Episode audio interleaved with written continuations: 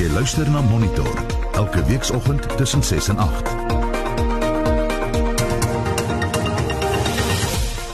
In die tweede helfte van Monitor baie Suid-Afrikaners is bekommerd oor hulle regte tydens inperking.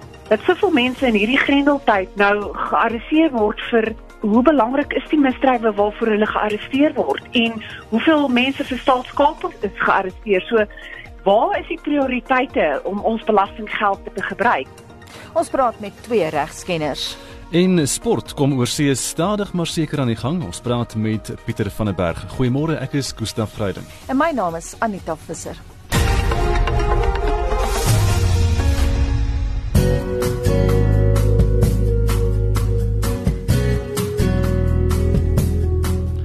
Die weer vir vandag die 27ste Mei is uitgereik deur die Suid-Afrikaanse Weerdiens en daar is raadgewende nuus baie koue toestande word verwag in die suidelike dele van die Vrystaat en Noord-Kaap en sommige noordelike dele van die Oos-Kaap.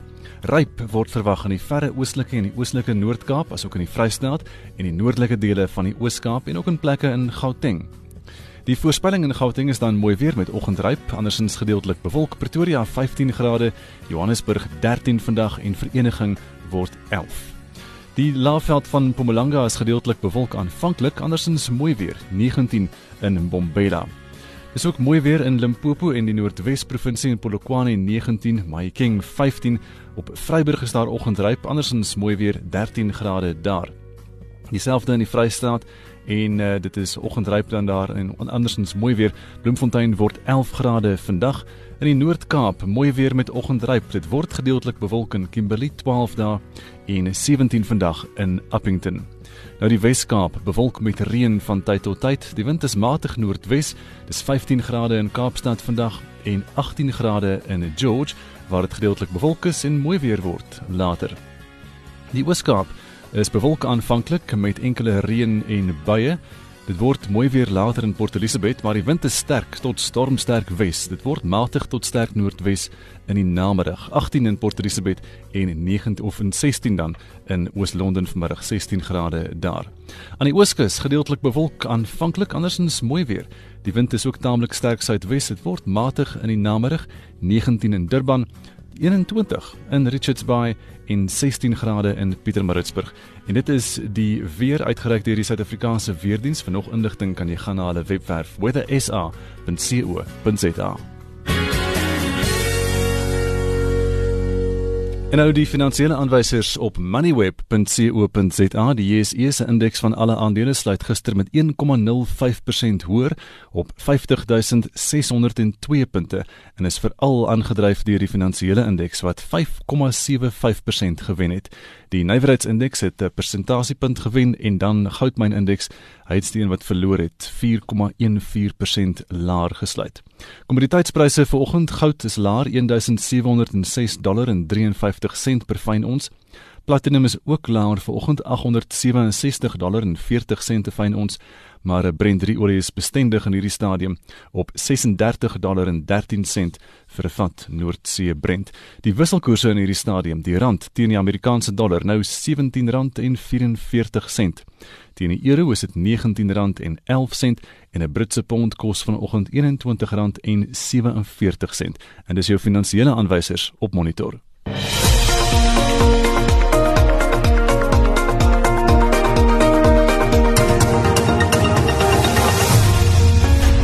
Nou 10 minute oor 7 en jy luister na Monitor op RSG. Nou gister het die regskenner professor Llewellyn Kerloos sy kommer uitgespreek oor die verwagte aantal siviele hofsaake teen die polisie waarvoor die belastingbetaler sal moet pa staan. Hier is wat hy aan ons gesê het.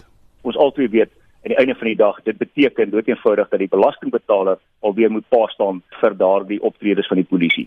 Nou intussen het 'n woordvoerder van die organisasie teen belastingmisbruik, advokaat Stefanie Fik gesê, die organisasie neem kennis van die insident by die strand toe 'n jong vrou wederregtelik in hegtenis geneem is deur die polisie.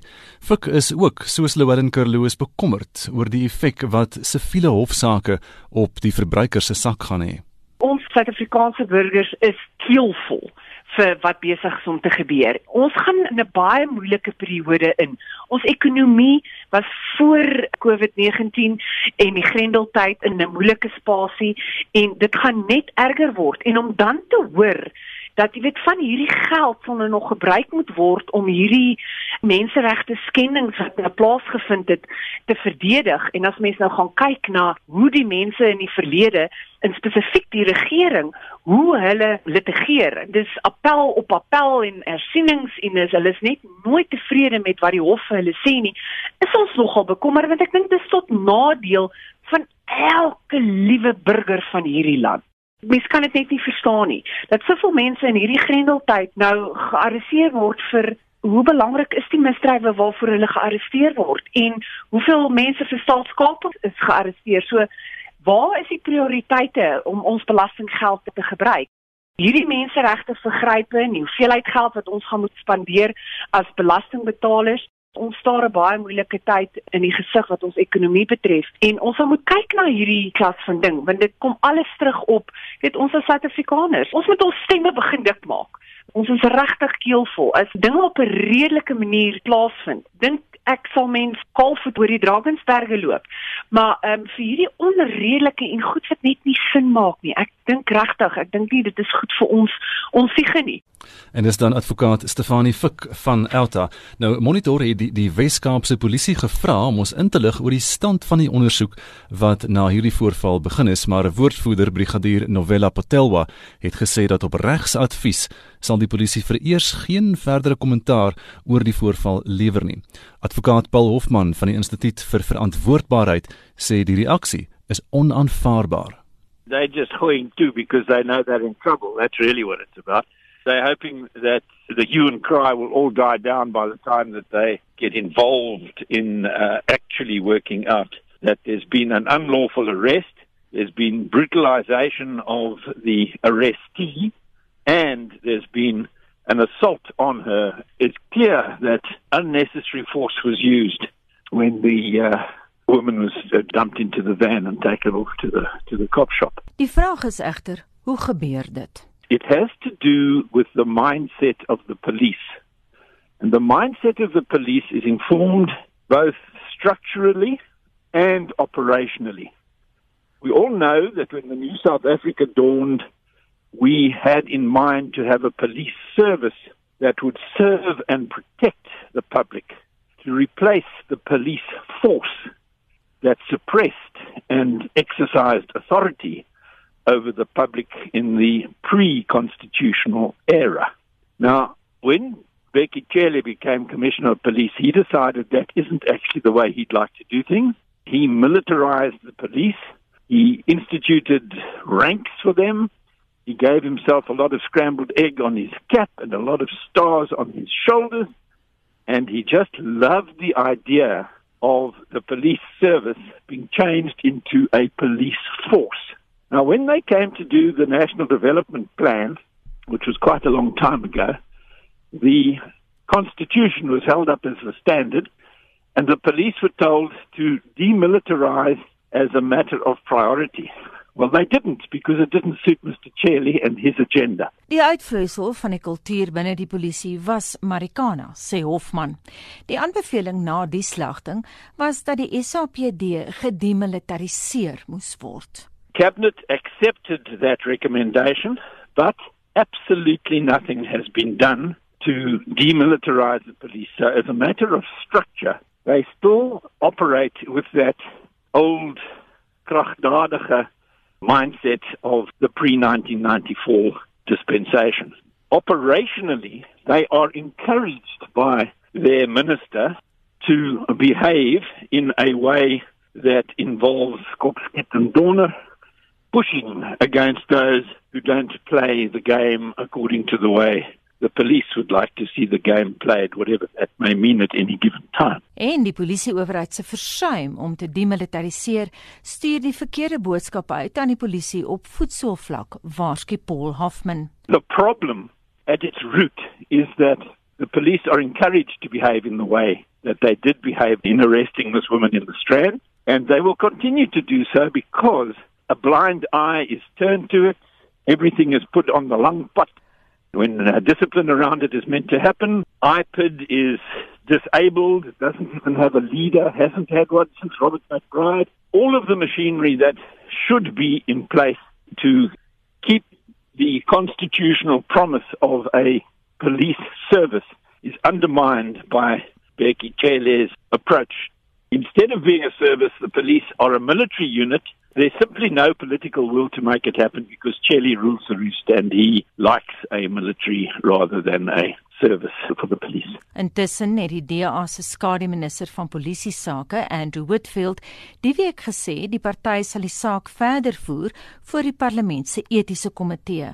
Paul Hoffman stem egter nie saam dat dit die beste pad vorentoe is nie. I'm going to advise the DA that they on a dual sport if they think that they can take Minister Chele to the Parliamentary Ethics Committee. In fact, what they should be doing is preparing a complaint to the public protector, who is the policeman of the executive branch of government in terms of the Executive Members Ethics Act. That's where Chele's responsibility has to be investigated and dealt with. As far as the victims of this sort of thing are concerned, I don't agree with Professor House that this is the right kind of case for a class action. A class action has got far too much barbed wire around it, and the better approach is that one should go to the nearest law society and ask for the names of the attorneys who are prepared to do this kind of case, a damages, a civil damages action for unlawful arrest. They do it on a contingency basis, which means you don't pay a cent if you don't win the case. It's not a question of people being too poor to take the matter to law.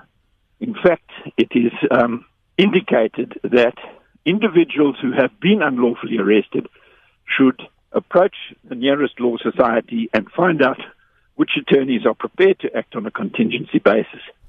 En dit dan advokaat Paul Hofman van die Instituut vir Verantwoordbaarheid. Intussen kry monitor baie navrae oor mense se regte. Sommige Suid-Afrikaners is bekommerd dat hulle dalk die slagoffers gaan word van polisie hardhandigheid. Vir antwoorde op baie van hierdie praktiese vrae praat ons nou met professor Llewellyn Kaloos van die Universiteit van Pretoria. Môre Llewellyn. Goeiemôre Anita. 'n luisteraar Tryda Prinsloo het gister in 'n SMS die volgende geskryf en ek haal nou direk aan. As ons uitgaan, sorg ons dat Facebook oop is sodat ons dadelik 'n live video kan begin as die polisie of verkeersbeamptes ons stop. Die kar het 'n dashcam in. Mens kan glad nie die polisie vertrou nie. Dis baie sleg, maar mens moet maar aanpas en sorg dat jy bewyse het vir skadevergoeding. Dit is Tryda se woorde daai, die mening van 'n luisteraar Tryda Prinsloo wat gister hierdie SMS vir ons gestuur het. Llewellyn, wat is ons as die publiek Jan en San se regte. Mag 'n mens jou foon laat hardloop as jy sien probleme met die polisie kom of jy antisipeer dit. Mag jy hulle begin afneem? Ja, ek dink nie ons moet veralgemeen nie en sê dit is in elke liewe geval so nie. Dit is nou maar 'n 'n kasuele storie en met ander woorde dit hang af van geval tot geval. Maar daar's niks verkeerd daarmee om natuurlik getuienis in te win wat jy later behulpsaam kan wees in hierdie moontlike siviele eis waarvan advokaat Paul Hofman ook gepraat het. Die interloops, ek stem 100% saam met al sy opmerkings. Ehm um, maar aan die ander kant, jy weet, uh, uh, daar moet op versigtig gewees uh, uh, gedink word as 'n mens as 'n mens antisipeer dat iets gaan gebeur, dan trek jy daardie negatiewe energie natuurlik aan. In die meeste gevalle hopelik sal dit nie gebeur nie, maar in daardie enkele gevalle waar dit moontlik in die vooruitsig gestel word, as jy die dit tot jou beskikking het daardie tegnologie, gebruik dit asseblief, daar's niks verkeerd daarmee nie. Uh die vraag wat natuurlik deur die hof later gevra gaan word is, hey, waarom het jy gedink is dit nodig om reeds vooraf hierdie kamera aan te sit? Het jy gaan moeilikheid soek, het jy gaan skoor soek of was dit net maar net toevallig hoe jy dinge doen? En as die laasgenoemde die antwoord is, dan sal dit natuurlik toelaatbare getuienis wees in 'n hof.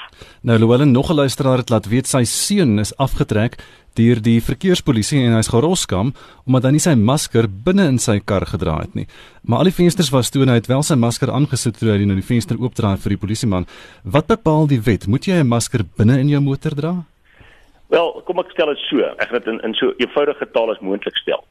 Dit is onregmatig om nie 'n masker te dra nie wanneer regulasies sê jy moet 'n masker dra. Maar daardie maskerdraery is nooit gesanksioneer by wyse van 'n vonnis of 'n sanksie wat opgelê kan word met nie. Met ander woorde, in doeteenvoudige leuke taal beteken dit jy kan niks oorkom nie. Dis nie gekriminaliseer nie. Uh, uh die een van die woordvoerders van die polisie homself het so onlangs so 'n week gelede uh, brigadier Wisnaidu het hy die opmerking gemaak dat die polisie kan jou nie arresteer om daai omstandighede nie. Dis nie onwettig om 'n nie 'n masker te dra nie. Ehm uh, met die gevolge is dit totdat die die die die regulasies verander word en ons weet dit gebeur baie keer op 'n daaglikse basis. So met daardie voorbehou bygesê, uh, is dit nie uh, uh, onwettig nie, is dit nie 'n misdryf om nie 'n masker te dra nie en sou jy gearresteer word, selfs buite die kar. Nie uh, nie eers te praat van binne jou eie voertuig nie, want dit is nie 'n publieke spasie nie. Uh sou dit onregmatig wees en gaan die polisie uh, baie beslis 'n probleem hê om uh om later te verduidelik in 'n siviele aksie. Artikel 39 van die strafproseswet sê baie duidelik hoe die polisie jou moet arresteer. Hulle moet dit doen deur by by wyse van 'n aanraking aan jou persoon Daarna moet hulle jou inlig hoekom hulle jou arresteer, met ander woorde watse misdrijf sou jy klaarblyklik gepleeg het. En as jy jou vrywilliglik dan aan hulle onderhewig stel, dan is daar geen rede vir verdere eh, kom ons noem dit dan brutaliteit van enige aard hoe genaamd nie. Ehm um, daarmee saamgesê, is dit baie duidelik in die strafproseswet dat arrestasie die absolute laaste uitweg moet wees om jou voor hof te kry. As hulle dit by wyse van 'n gewone waarskuwing of kennisgewing kan doen in terme van die strafproseswet, dan is dit die korrekte optrede. Llewellyn advokaat Paul Hoffman glo daar's ander opsies vir die publiek wat wil regstappe neem teen die polisie as professor Amanda Gou se voorgestelde klasaksie. Hy glo dis nie die regte pad om te volg nie. Wat sou jou voorstel wees vir luisteraars wat voel hulle is hardhandig behandel, maar dit nie die geld om hof toe te gaan nie? Ja, ek ek ek moet met hom saamstem op daardie aspek. Uh, 'n uh, Klasaksie is is is 'n baie nuttige hulpmiddel in sekere omstandighede. Die probleem met is, is met met 'n klasaksie is natuurlik die prosesiele uh, voorvereistes voordat jy by die punt kan kom waar 'n klasaksie ingestel kan word. Dit kos baie duur, dit vat baie lank en die howe is redelik skepties om net doeteenvoudig 'n uh, aksie gereed te verklaar as 'n sogenaamde klasaksie. So uit 'n strafprosesregtelike en 'n sivielprosesregtelike perspektief is dit miskien nie die aangewese optrede nie. Ek stem 100% saam dat 'n siviele aksie uh by wyse van 'n uh, eis vir skadevergoeding teen die polisie weliswaar dan uiteindelik die belastingbetaler se sak wat daarvoor gaan moet betaal soos wat ek van tevore opgemerk het al, maar dit is die regte ding om te doen. Dit sal die polisie tot verantwoording bring. Ek sou voorstel dat in daardie siviele eis daar 'n kostebevel dan aangevra moet word teen die oortreders in hulle persoon, juis dat hulle dit aan hulle eie sakke voel en dat dit nie van die belastingbetaler verhaal moet word aan die einde van die dag nie. Terwyl nou die nasionale vervolgingsgesag self sê dat 25% van die sake teen die publiek vir oortredings nou tydens die inperking sal nie verder gevoer word nie want hulle wil nie die publiek nou op 'n groot skaal kriminaliseer nie. Hoe werk hierdie proses na arrestasie? Wanneer kry jy nou jou kriminele rekord dan? Ja, dit is natuurlik een van twee uh, opsies beskikbaar. Sou jy in die hof verskyn uiteindelik en skuldig pleit of skuldig bevind word, dan het jy 'n kriminele uh, rekord en gaan dit natuurlik teen jou kriminele rekord ons praat van SAP 69 rekord aangeteken word wat vir die beste bestek van 10 jaar ten minste teen jou naam sal wees. Maar sou jy daarop aandring om hof toe te gaan, jou dag in die hof te kry, onskuldig te pleit en onskuldig bevind te word en op die veronderstelling jy betaal nie 'n skulderkenning by die polisiestasie om net hierdie ding uit jou lewe uit te kry op 'n baie vinnige en goedkoop manier nie, dan sal jy nie 'n kriminele rekord op jou haal nie. So my advies aan luisteraars is doeteenvoudig, moet asseblief nie net gaan doeteenvoudig en daardie uh, skulderkenningsboete betaal by die polisiestasie direk nadat jy gearresteer word nie, want sou jy dit doen, dan word dit ge geag asof jy skuldig gepleit het en skuldig bevind is met die gevolge as jy sit met 'n kriminele rekord. En hulle word net vinnig, as jy nou 'n kriminele rekord het, hoe hoe irriterend is dit? Wat beteken dit alles vir jou? Wel op die kort termyn in sekere industrieë mag jy byvoorbeeld nie direkteure van maatskappye wees nie jy kan jy gaan sukkel om visums te kry. Jy gaan sukkel om te kan immigreer. Die buiteland soek nie kriminele in hulle in hulle geleedere nie. Daardie tipe van goedes en dit is maar net van die enkeles wat ek genoem het. Jy gaan sukkel miskien om vuurwapen lisensies vir aansoek te doen. Hmm. En dis meer en dis meer. Dit het nog 'n 'n baie ekstra ekstreme uh, uh invloed op die langtermyn as jy my vra. Jy praat nou van die langtermyn, maar jy het net nou verwys Louwele na 10 jaar. Anita 10 jaar is 'n baie lang tyd. En selfs dan in daardie gevalle afhangende van die sanksie wat opgelê is, die boete of die moontlike gevangenisstraf wat jy ook in die gesig gestaar het, het is daar dan 'n diskresie in die strafproses of uh, wet of daardie vonnis outomaties dan wegval of nie. Die Engelse term wat in die wet gebruik word is expungement. Dit gebeur nie outomaties nie, dit moet op aansoek plaasvind en dan is daar sekere kriteria en dit is direk gekoppel uh, aan die vonnis wat jy aanvanklik opgelees vir die bepaalde misdrijf. So hoe ernstiger die misdaad, hoe minder genee is dit om daardie sanksie dan uh, doeteenvoudig uh, outomaties te laat wegval. So jou groot raad aan die publiek vanoggend wat luister is moenie sommer net geld daar by die polisiestasie en die polisie oorbetaal om hierdie ding uit jou lewe uit te kry nie, né? Absoluut. En die probleem is die polisie is baie baie vinnig om vir jou te sê as jy net hierdie uh, skulderkenning betaal, sê net maar van 1000 of 2000 rand, dan kan jy huis toe gaan en dit is uit jou lewe uit. Maar soos ek sê, die langtermyn effek daarvan is nie so eenvoudig soos wat hulle dit bekenne gee nie. En Louwelen net vinnig, wat is die storie van as jy jou vingerafdrukke vir hulle gee, dan is dan as jy 'n nou deel van die stelsel of so iets? Wel, jy is verplig in elk geval om jou vingerafdrukke te gee. Mm -hmm. In terme van die strafproseswet artikel 37 om presies te wees, sê dat wanneer die polisie jou arresteer, moet jy 'n paar dinge doen. Jy is verplig om jou volle naam en adres te gee. Jy is veronderstel om jou vingerafdrukke te gee sodat hulle kan vasstel of jy nie dalk al reeds hmm. in die stelsel vorige veroordelings het nie. En daardie vingerafdrukke word dan permanent geliaseer by skuldigbevindings Ehm um, dis slegs as jy onskuldig bevind word wat daar 'n verpligting dan op die polisie is om daardie vingerafdrukke te vernietig. Lowellen dalk net laastens, hierdie is onsekere tye vir almal. Soos jy self gesê het, wat ons dink is wettig, is nie noodwendig wettig of teen die wet nie. Jy het nou gepraat van die masker dra. Daar's baie mense wat dink is teen die wet as jy dit nou nie dra nie. Maar het jy enige algemene raad vir mense wat ver oggend luister en wat bekommerd is en bang is en geïntimideerd voel? Ja, asseblief moenie bang wees vir die polisie nie. Die polisie is in die eerste instansie daar om ons te beskerm en die veronderstelling is dat ten minste 3 kwart indien nie meer van ons polisie mag uh, hulle werk ernstig opneem en presies dit sal doen nie. Die omsendskrywers en die direktiewe van die polisie is baie duidelik dat hulle daar is om die uh, gemeenskap behulpsaam te wees en nie ons vyand veronderstel is om te wees nie.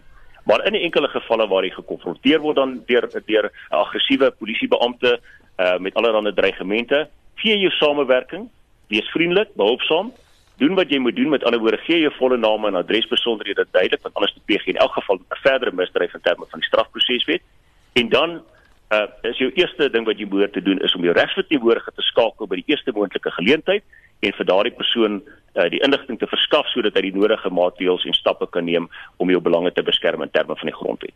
Baie dankie en daai praktiese raad kom van die regskenner professor Llewellyn Kaloos van die Universiteit van Pretoria. Jy luister na Monitor elke weekoggend tussen 6 en 8. Dis nou half 8 en in die nuus die ACDP sê kerke en ander godsdienstinstellings sal die nodige voorsorgmaatreëls tref om die verspreiding van die koronavirus te beperk. Die minister van Samewerkende Regering sal later vandag besonderhede verskaf oor inperkingsregulasies wat op vlak 3 sal geld. En sport kom oor see weer stadig maar seker aan die gang. Bly ingeskakel. Dis nou 28 minute voor 8 uur by Monitor op RSG en ons hoor by Vincent wat sê die luisteraars van die koue. Gustav Oliver Krutzinger sê vriesend koud in die Lang Kloof en omgewing Die Kouga en Tsitsikamma bergreeks het al eers sneeu vir 2020 op. Nou die reënval wissel tussen 30 en 75 mm waarvoor ons baie dankbaar is teenoor die liewe Here. Dan sê Martha Pretoria: "Goeiemôre. Dit is bitterkoud hier in Johannesburg. Daar is nog geen reën of sneeu nie. Uh, Lekker dag vir julle, lekker dag vir jou ook Martha." En dan sê Naomi Janetta Pinaar Kutse van die Weskus in uh, Dwaskebos: "Lekker koud hier, 6 grade. Heerlike 9 mm gereën by hulle. Dan sê Bets Ferreira nog lekker matig hier in Amanda Sig noorde van Pretoria.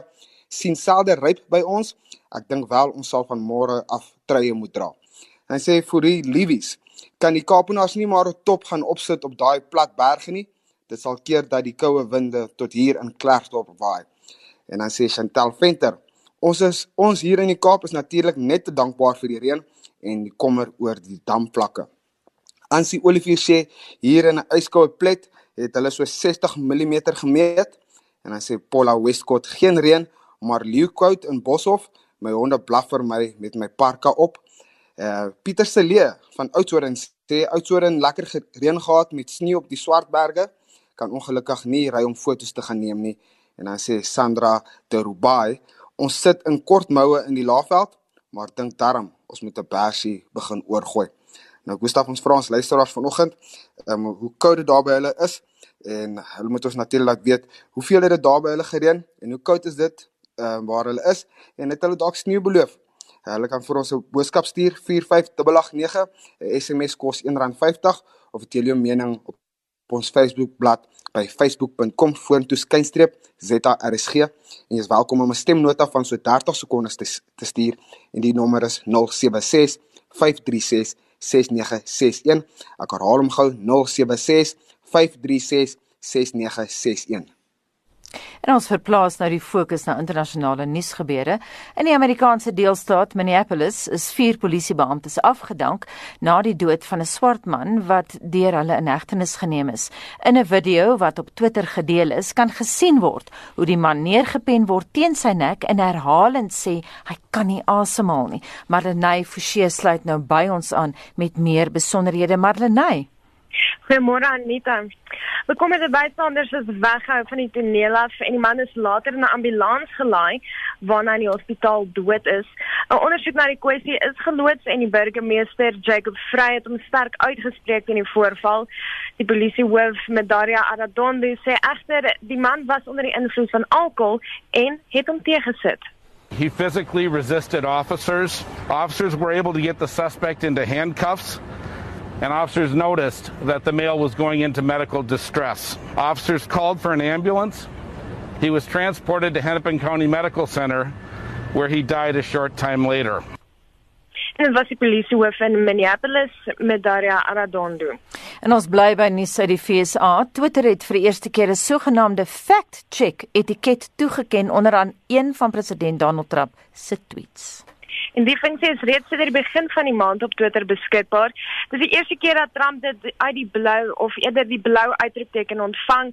Nou saam met die waarskuwing is daar skakels na akkurate inligting oor die onderwerp waaroor daar getweet word. In die betrokke tweet sê Trump daar is geen manier dat stembriewe wat gepos word korrupsievry sal wees nie.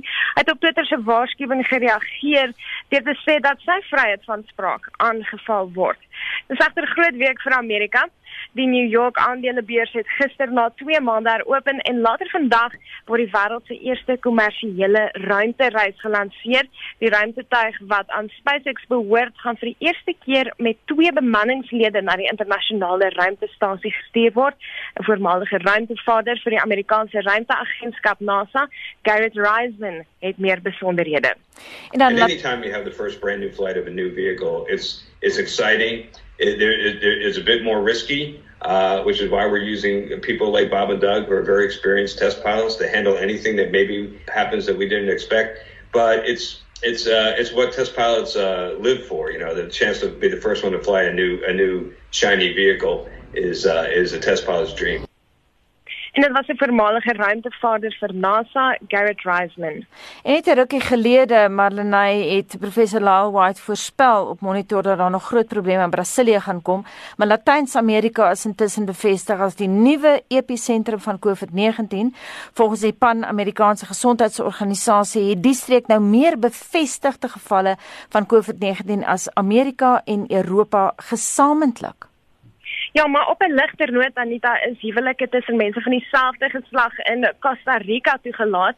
Eerste paartjie is reeds getroud en die vroue se troue is voorafgegaan deur sowat 3 ure se media dekking. En van Costa Rica gepraat ook Marlenae, dis ook die een land in uh, Latyns-Amerika, dis nou Latyns-Amerika, nie Suid-Amerika nie, wat eintlik die COVID-19 virus baie goed bestuur. Maar ons eindig dan op 'n ligter noot en ons gaan na Denemarke waar musisi deesdae inry konserte hou om nou te voldoen aan sosiale distansiering en uh, minstens 70 konserte word by die Kopenhagen lughawe gehou. En by een so 'n konsert is 600 voertuie in die parkeerterrein toegelaat met sowat 2 meter tussen elke voertuig. Jy skakel dan in op die regte frekwensie binne in jou kar en terwyl die musikant op die verhoog doenig is, kan jy dan hoor hoe die konsert klink binne in jou voertuig. Nou Mads Langer is een van die musikante wat op dië manier 'n inkomste verdien. I was in the middle of a European tour that got canceled. You know, I had a phone call. I was in Germany at that time, and I was asked to turn the tour bus around and go, drive back home for lockdown. And then I decided that I wanted to see what it was like to do a drive-in concert. It's it's kind of strange to play a drive-in concert, honestly, but I, it feels great to be part of a like a new thing. Ulrik Uren Petersen bemark die vertonings. We knew we had to be creative, and uh, the drive-in was uh, according to the, the government guidelines and the restrictions. So that was the only uh, opportunity we had to gather a lot of people in one place uh, to see their favorite artists. En toeskouers is gaande oor die idee. It's a good reminder that it's still here and that you can do things on a distance. There's not that much going on for the moment, and uh, this is just a good opportunity to be together. En dit was Deense toeskouers by 'n inry musiekvertoning in Kopenhagen, Denemarke. En dit was die Suid-Afrikaanse Marlenae Forsie met vanoggend se wêreldnuus. Dis nou 20 minute voor 8 jy luister na Monitor en Sport het oor die laaste 2 maande min aandag geniet nadat alle sport tot stilstand gedwing is. Ons steek by Pieter van der Berg kers op oor die jongste verwikkelinge. Môre Pieter. Môre sê Gustaf. Nou voordat ons loer na wat moontlik in fase 3 van die inperking voorlê, gee ons so 'n idee van watter sport nou reeds aan die gang is. Ja, ek dink die beweging terug na die sportveld is hoofsaaklik in die buiteland en dis natuurlik lande waar daar uh, ek amper sê waar die corona saak uh, nie baie groot invloed gehad het nie. Dink byvoorbeeld aan Nieu-Seeland. Uh, die rugby spelers daar het natuurlik reeds begin oefen en hulle wil selfs die superreeks waar hulle net tussen hulle eie spanne daar voorsit.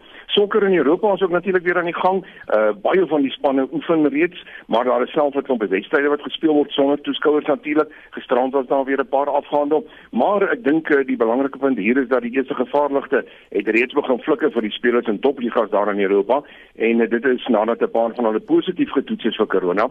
Maar uh, daar is ook aangepas wat oefenmetodes aan betref. Uh, ek hoor daar selfs uh, op die oefenveld meer spasie tussen die spelers bewerkstellig word wanneer hulle oefen en dit is natuurlik om nou minder kontak te hê. Maar die mees suksesvolle ervaring van sport dink ek was golf geweest. Die afgelope naweek het Tiger Woods en Phil Mickelson mekaar getakel. Dit was in 'n fondsinsamelingstoernooi geweest en net net een ronde wat gespeel was, maar hulle het nagenoeg 350 miljoen dollar ingesamel. Nou eh, die vorige naweek was dit Rory en Ricky wat mekaar die stryd aangeset en al hierdie golf is natuurlik sonder toeskouers. En dan wat die motorwedrenne aanbetref, NASCAR het die verlede naweek hulle eerste geslaagde wedrenne aangebied. Ek sien daar selfs hier en daar 'n bietjie gevegsport, karate ensovoorts wat plaasvind. Ehm um, en dan is daar ook 'n uh, eh, hele reeks bokstoernooie wat uh, sonder toeskouers gaan begin binnekort daar in Brittanje. Uh ons loer ook na die tennis daar in Praag, dis 'n vroue toernooi wat tans gespeel word. Interessant is dat Petra Kvitova, sy het gister genoem na haar wedstryd sonder toeskouers dat dit nie lekker is om sonder die toeskouers te speel nie. Sy verkies as daar mense in die paviljoene is. En dan wat Suid-Afrika betref, Gustaf, ek dink ehm um, daar's tot nou toe nog nie veel sport gewees nie. Die Sonskyn Golfreeks, hulle het hulle virtuele kompetisie bekend gestel. Dit is natuurlik waar twee spelers of meer uh, op 'n rekenaar golfspel kragte meet en dan selfs 'n tellbord daarbey betrokke en dit hou die die uh, mense wat dan kan inskakel op die uh, toernooi hou dan so 'n paar ure besig maar wat op die sportveld self aangaan en op die bane is daar nie veel ter sprake op die oomblik nie. Pieter het nou 'n paar sportsoorte genoem wat nou reeds beoefen word al is dit nou oor see en internasionaal maar dit bring hierdie vraag na vore leen sekere sportsoorte hulle self nou makliker tot 'n heropening as ander. Ja, Gustaf, eh, verseker, ek dink die belangrike aspek om ag te neem en ek dink as mens kortpad vat, kan mens een woord gebruik, dis kontaksport. Is dit kontaksport of nie? As mens byvoorbeeld prakties gaan kyk na rugby, vaste scrums, loskrams, losgemale en dan selfs duiksla en en dan sportsoorte soos stoei en karate ensovoorts, hier raak direkte kontak. Dit is 'n uh, kontaksport. Daar is natuurlik semi-kontaksporte. Ek dink uh, sokker val onder meer daar. Hokkie is heel moontlik een van hulle. Ehm um, en dan sportsoorte met min kontak neem nou maar golf, swem, ehm um, roei en fietsry om net 'n paar te noem. Ehm um, ek dink as mense byvoorbeeld gaan kyk na sportsoorte waar balle gebruik word, uh, kan mense na die hantering van die balle uh, ek wil amper sê 'n bietjie aanpas en daarna kan gekyk word soos byvoorbeeld tennis, rolbal en cricket. Ehm um, ek neem cricket byvoorbeeld die afgelope dag of 2, 3 daar baie gesê oor die spuug of die sweet wat gebruik word om die bal ehm uh, te vry van die een kant en natuurlik sywaartse beweging deur die lug te veroorsaak. Uh en dan is daar sportsoorte soos motor en motorfietswedrenne wat ook min kontak het. Ek dink atletiek veral sekere items leen hom ook tot veilige deelname. As ons uh, kyk na sportsoorte wat nou reeds aangedui het dat hulle teruggaan keer na die uh, deelnameveld of die sportveld, is dit byvoorbeeld Aussie Rules rugby wat hierdie week hervat word. Uh Nieu-Seeland bied op die oomblik sy eerste beroepstennis toernooi aan. 112 wedstryde wat daar in Auckland gespeel sal word. Dis 'n manstoernooi, ook natuurlik sonder toeskouers. Ons het um, so 'n week of wat gelede in Monitor verwys na die fietstoere wat in Augustus weer 'n aanvang geneem. Dit sluit byvoorbeeld die Tour de France in aan die einde van Augustus. Dan is daar selfs die Tour van Italië en Spanje wat in Oktober op die skedule is. En natuurlik die motorfietswêreld, nou toe GP, hulle wil hier in Julie wegspring en dan Formule 1, hulle kan dalk ook so in in Julie maand dalk 'n eerste wedren sien, maar ek sien van die bekende renjaars sê dat uh, hulle dink nie is 'n goeie ding nie. Selfs uh, die Britse Formule 1 groot vraag vanoggend uh, in Brittanje oor of hy enigstens van jaar nog moet plaasvind. En ek dink dan uh, die groot vraag wat rugby aan betref, gister het Yuri Roo van SA Rugby gesê daar word gesels oor 'n verkorte rugby kampioenskap wat moontlik in Oktober en in November in Australië gespeel kan word. Dit beteken nie spanne gaan natuurlik nou daar bly vir 'n paar weke en dan daar te mekaar speel en nie onnodig rondreis nie.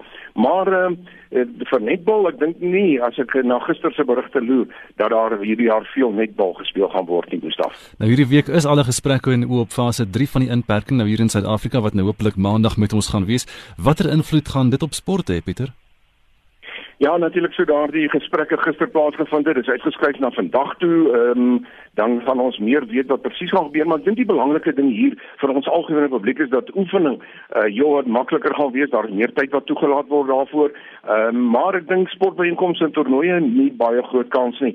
Aanstaande maandag sal ehm um, natuurlik eers Suid-Afrikaners die kans gaan om uh, te gaan oefen nie met net meer tussen wat was dit 6 en 9 nie, maar nou 'n bietjie langer deur die dag ook te gaan stap en te kan fietsry.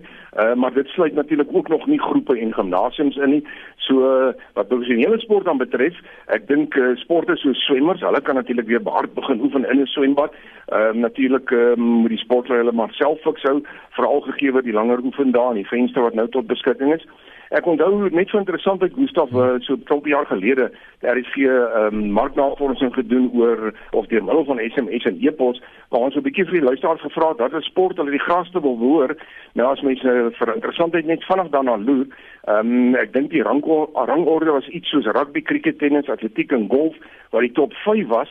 Uh dis waar na die meeste RSC luisteraars wil hoor. Ek dink nie daar's baie gou sport op radio wat daardie sport aan betref nie. Daarna het swem en netbal en hokkie en sokker en motorsport gevolg. Uh bietjie verder uh, laer op daardie ranglys as fietsry en driekamp padwedlope en dan hier na die einde toe rolbal, seilvaart en uh, avontuursport. Maar ek dink soos ons vanoggend gesels, daai kans is maar skraal jong dat daar enige groot wedstryd of toernooi in Suid-Afrika en enige aan die sportsoorte in die volgende maand of wat sal plaasvind. So kom ons kyk maar wat gebeur vanmiddag met die aankondiging van die bevelsraad oor corona, maar uh, miskien is daar so 'n ligpuntjie vir die golfbane wat kan oopmaak, maar wat professionele sport dan betref, Gustaf, nee wat kans om as skraal in die volgende paar weke jong. Hm. Pieter van der Berg daar van RSG Sport baie dankie. Dis nou 14 minute voor 8. Monitor jou oggendnuusprogram op RSG. Die DA in Noordwes het 'n klag ingedien by die openbare beskermer en die valke. Die klag gaan oor beweerde onreëlmatige aanstellings en tenderprosesse in die plaaslike wetgewer. Die party beweer die wetgewer se uitvoerende finansiële hoof en die tesourier se bestuurder is sonder die nodige kwalifikasies aangestel. Estie de Klerk doen verslag. Die DAC het inligting van 'n fluitjieblaser in die wetgewer ontvang van beweerde onreëlmatighede, bedrog en korrupsie. In die loop van die party se eie ondersoek het hulle dokumente ontdek wat die beweringe ondersteun.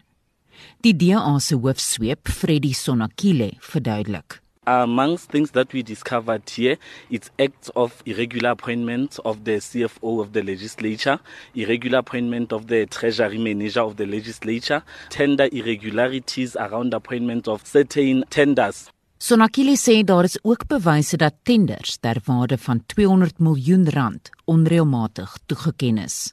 Some of the discoveries that we made are that there are other tenders that were acquired for about seven years that have been in this legislature operating. That when you check their documents, it's one company, it has just been changing names. The others, you will find that it is companies that are owned by people who are close to the speaker or any other official who is senior in the legislature. Even when you look at their terms of reference, some of the things that they were supposed to do, they are not even delivering, but they are kept on the system for years. Owerhede by die provinsiale wetgewer sê hulle is bewus van die beweringe en sal hulle samewerking gee aan wetstoepassingsagentskappe. Uageng Mosiani is die wetgewer se sekretaris. I want to assure the South Africans and people of the Northwest that we will cooperate with all law enforcement and oversight committees as DA said they are going to take those matters too. But we also want to make sure that um, South Africans are aware that these are just allegations. Wild as they are, we will cooperate and make sure that the truth comes out.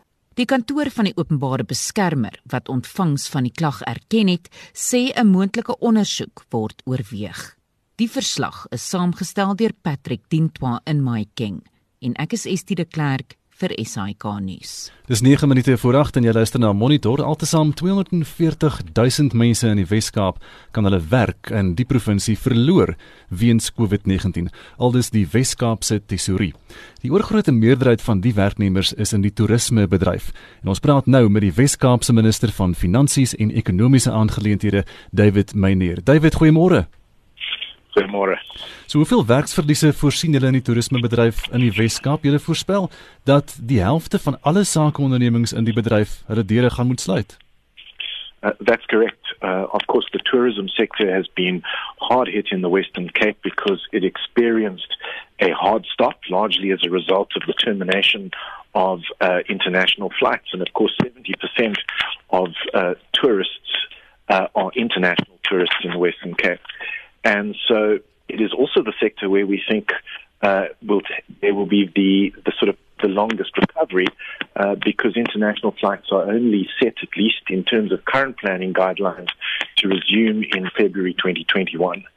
And so uh, the sector has uh, been hard hit, and we think that there could be up to uh, 104,000 uh, jobs, direct jobs, that is, lost in the sector, which of course is devastating for the tourism sector in the Western Cape and for the people uh, uh, who operate in the tourism sector, who of course are going to be unable to support themselves and uh, their families.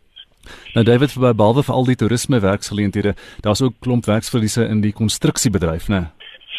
Absolutely. Unlike the, the tourism sector, the uh, construction sector did not experience a, a hard stop uh, because certain uh, public works and road maintenance projects uh, did continue. But the commercial construction sector did experience a, a hard stop. And unless we're able to get the sector open under the new level three um, uh, uh, regulations, we expect uh, about 41,000 direct jobs uh, to be lost in the uh, construction sector in the Western Cape. David, ons kry so 'n bietjie van 'n geraas. Ek dink as jy jou foon beweeg, hoor ons 'n bietjie van 'n geraas as jy hom kan stilhou vir ons. Ehm um, watter ekonomiese model is gebruik om te bepaal hoeveel werksverliese daar na verwagting sal wees dan? Well, it, quite interestingly, national government uh, and uh, many of the big financial institutions do not actually have uh, models uh, to uh, forecast the impact of shocks like COVID 19 on sub national uh, economies like provincial economies.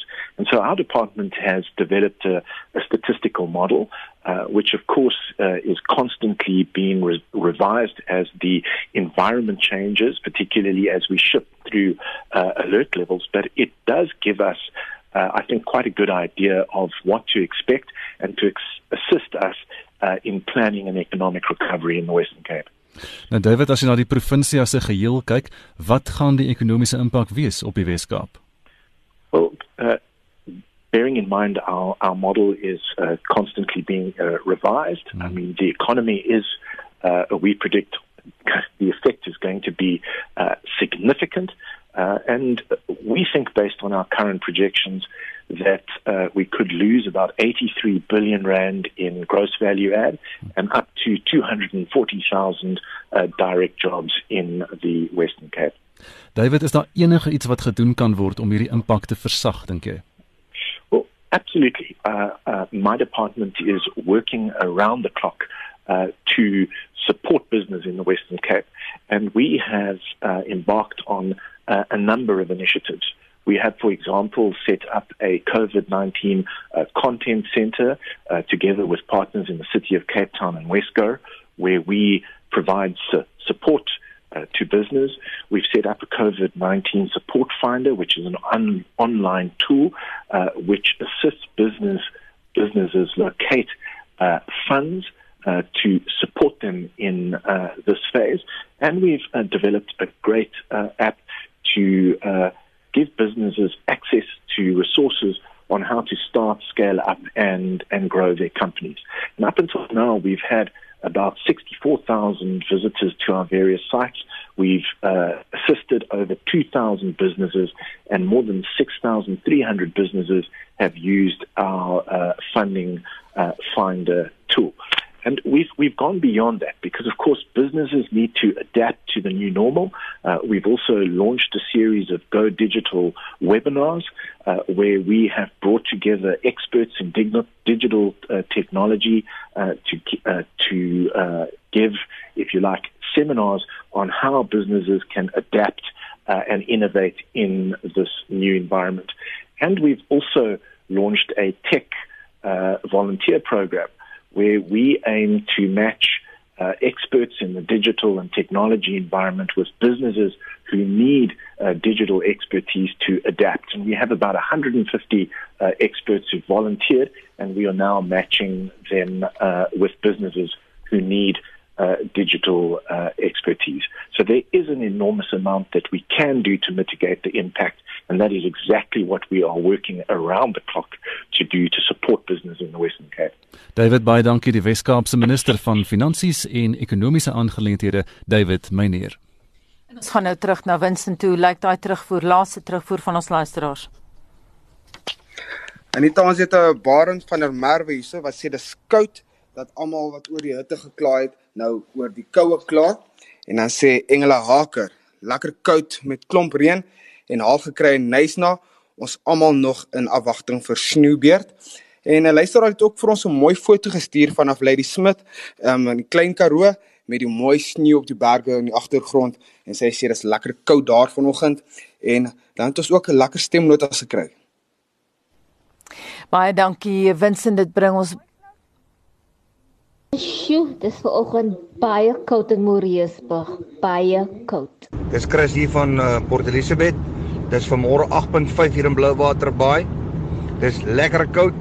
Uh hier sneeu hier op die uh, Graafrenetberge, Loosbergpas en so aan. En dan het ons gister ek en my seuns, ons het so amper 6000 liter water opgevang met die reën. Nou op so vir die volgende 2 weke is ek heeltemal vry van uh van die grid af as ek so kan sê. Ek gebruik glad nie munisipale water, ons gebruik net reënwater. Bitterkoud in Pearl Beach, baie reën gekry. En ek is nou baie besig om sousklikkies te maak vir die middag. Dit kom van Irene Snywer van Pearl Beach. Dis Marina hier van Polokwane. Eisige koue wind waai, so dis regtig regtig koud. Ek sien hulle wys so 5 grade wat dit nou is. En dan wat reën betref, jong Polokwane ken nie daai begrip of ietsie dit moet baie hard droog wees. Nee, ons sit glad nie reën hier so in Polokwane. Nou ja, die laaste luisteraars wat hulle sê sê vanoggend op uh, monitor. Kom ons kyk na Spectrum se dagboek. Jean, hoe lyk dit? Ja, nou die minister van samewerkende regering, Dr. Nkosazana Dlamini Zuma, sal vandag verdere inligting gee oor vlak 3 inperkingsregulasies. Ons kry ook nou verder uh, reaksie op die president se besluit om alle plekke van aanbidding te open en godsdienstige byeenkomste toe te laat. En SpaceX se eerste kommersiële reis met twee ruimtevaardigers van NASA word vandag uh, gelanseer. Ja, goeie redes om na Spectrum te luister vanmiddag. Dit was Jean die redakteur van die program.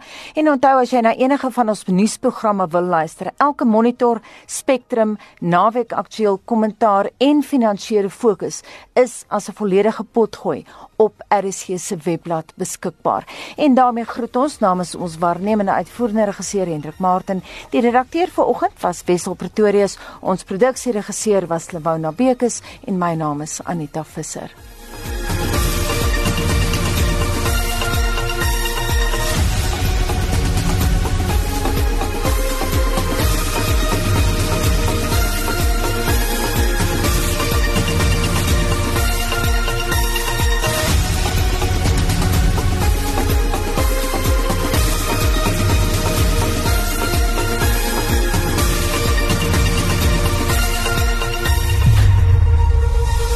SAK nuus.